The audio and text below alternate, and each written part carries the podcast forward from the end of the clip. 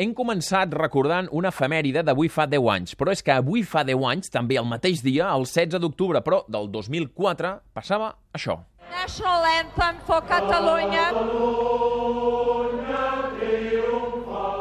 I ara torna a tenir però la iniciativa en la selecció catalana. Ivan Tibau fa el llançament, fa el primer gol. Ivan Tibau, el capità. És la connexió que la Montse Mir feia des de Macau, on Catalunya, tal dia com avui, de fa 10 anys, jugava el seu primer partit oficial en un Mundial, en aquest cas en un Mundial B, d'hoquei patins. Jugava contra Austràlia i guanyava clarament, per 11 a 0. Els homes que van fer història van ser Víctor Agramunt, Ernest Freixas, Ivan Tibau, que ara és secretari general de l'Esport, David Busquets, Abraham Bagès, Jordi Rodríguez Rodri, Josep Manel Edo, David Cáceres, Quim Casalí i Julián Guita. L'entrenador era Jordi Camps, ajudat per l'Albert Tarrida. Tots ells van fer història, van debutar avui fa 10 anys, després, una setmana més tard, van disputar la final contra Anglaterra i es van endur el títol Mundial B, que donava accés al Mundial A, que ja mai van poder jugar. A Fresno, uns mesos després, la Federació Internacional es va fer enrere i va expulsar Catalunya. Per tant, podríem dir que va ser el primer i únic campionat oficial que Catalunya va poder disputar en hoquei patins. Volem fer la vista enrere, mirar, avui fa 10 anys, com van viure aquella aventura, perquè la cataloguen d'aventura, aquests 10 homes que us he explicat que van jugar aquell Mundial. És per això que el Dani Terra, amb el muntatge del Dani Jiménez, ha parlat amb dos d'aquests protagonistes, amb el Julián Guita i el Quim Casalí, que així és com recorden aquell Mundial de Macau que va ser històric per l'hoquei patins català. Passat dimecres ens vam desplaçar fins a Tona per parlar amb dos dels artífecs d'aquell èxit. Ells són en Juli Anguita i en Quim Casalí, els dos jugadors aleshores del Voltregà. Però més enllà dels records d'aquell títol, hem volgut conèixer algunes anècdotes que es van viure en aquella concentració de dues setmanes a Macau. Per exemple, en Quim recorda com després d'algun partit, el seleccionador català, en Jordi Camps, els feia tornar corrents cap a l'hotel per no perdre la forma física. en tornar corrents un dia bueno, més que tot era perquè que nosaltres estàvem amb les lligues respectives, cadascú amb el seu club i això, això va ser un torneig, bueno, un mundial que es va celebrar a mitja temporada i clar, com que els partits eren físicament lleugerets, jugàvem una mica tots, ens repartíem molt els minuts, el que es volia és que com a mínim que quan tornéssim a cadascú al seu club no perdéssim la forma, tornéssim a unes condicions òptimes i sí que ens trobàvem que abans o després del partit a fer exercicis intensos, a tornar corrents, bueno, això cosa de, de l'entrenador, però que també estava bé. Una de les altres històries més curioses d'aquell torneig és que abans d'un partit els van deixar via lliure per anar a menjar on volguessin.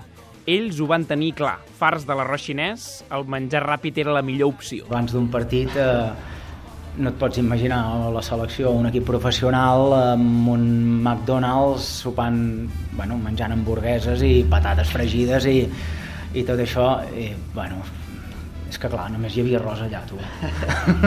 I, un, I un dia ens van dir, va, feu el que vulgueu, i realment va, però va estar bé. Vam guanyar, no?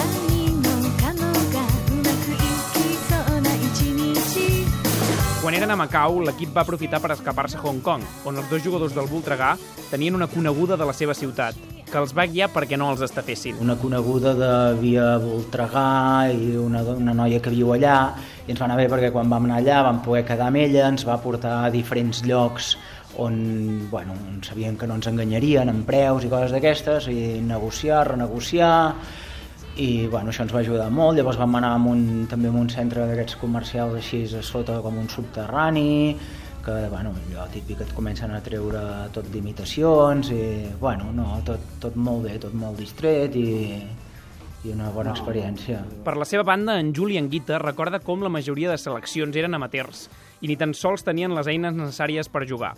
Fins i tot va arribar un punt en què en el maig contra el Japó van haver de cedir material. Jo de Japó, entre d'altres, el més destacat era la falta de material. Allò veies potències com, com Japó, Nova Zelanda, o, i realment el, això que al final vam acabar donant material, i, però bueno, el nivell va ser bastant, bastant baix. El balanç global de gols del campionat va ser de 78 a favor i tan sols un en contra. La superioritat va ser aclaparadora. Tant és així que van sortir a guanyar cada maig, però sense humiliacions, explica l'Anguita. Bueno, i a part que a nivell de hoquei sempre hi ha nivell de, de canalla i de tot, tampoc es tracta d'anar a golejar i anar a humillar el rival, no? O sigui, no cal i és el que vam fer. No obstant això, hi havia una excepció, la selecció anglesa. Se'ls volia guanyar sense pal·liatius. No, jo me'n recordo que només vam tindre màniga ampla i que no ens van dir que no, si no havíem de frenar, eren amb els anglesos. Al final. Bueno, la final i, I i també, de fases, i també amb el partit de fases perquè, segons se'ns deia, era d'una de les federacions que ens votaria en contra.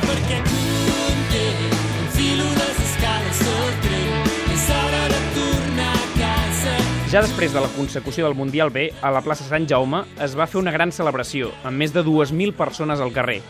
En Quim Casalí ironitza sobre el tema. Home, jo crec que hi havia més gent fa 10 anys a la plaça Sant Jaume que no pas fa dos dies al 12O.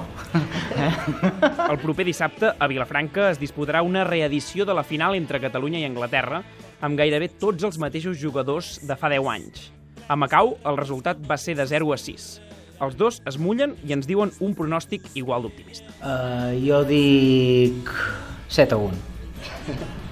Jo un 8 a 2.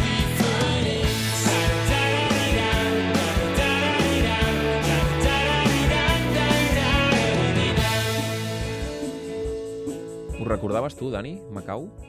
Era massa jove, massa, massa. És gairebé insultant, eh, Eudal? Sí, no cal que ho diguis. Fa 10 anys que Catalunya va disputar aquell Mundial B de Macau. Aquells eren moments de, vaja, d'eufòria, perquè després hi va haver rebuda, plaça Sant Jaume plena, els jugadors celebrant tot des de la balconada, després va arribar Fresno, I que va ser tot la després alguna manifestació davant del govern civil, la delegació del govern espanyol. I programes especials. Bon cop, aquell... bon cop Sí. d'estic, es va dir el programa especial que vam fer a Catalunya Ràdio, per la final, aquell- per la final d'aquell. Una nació, una selecció. Tot, tot plegat, sí, sí, ens fem grans, eh? Comencem a explicar batalletes, però vaja.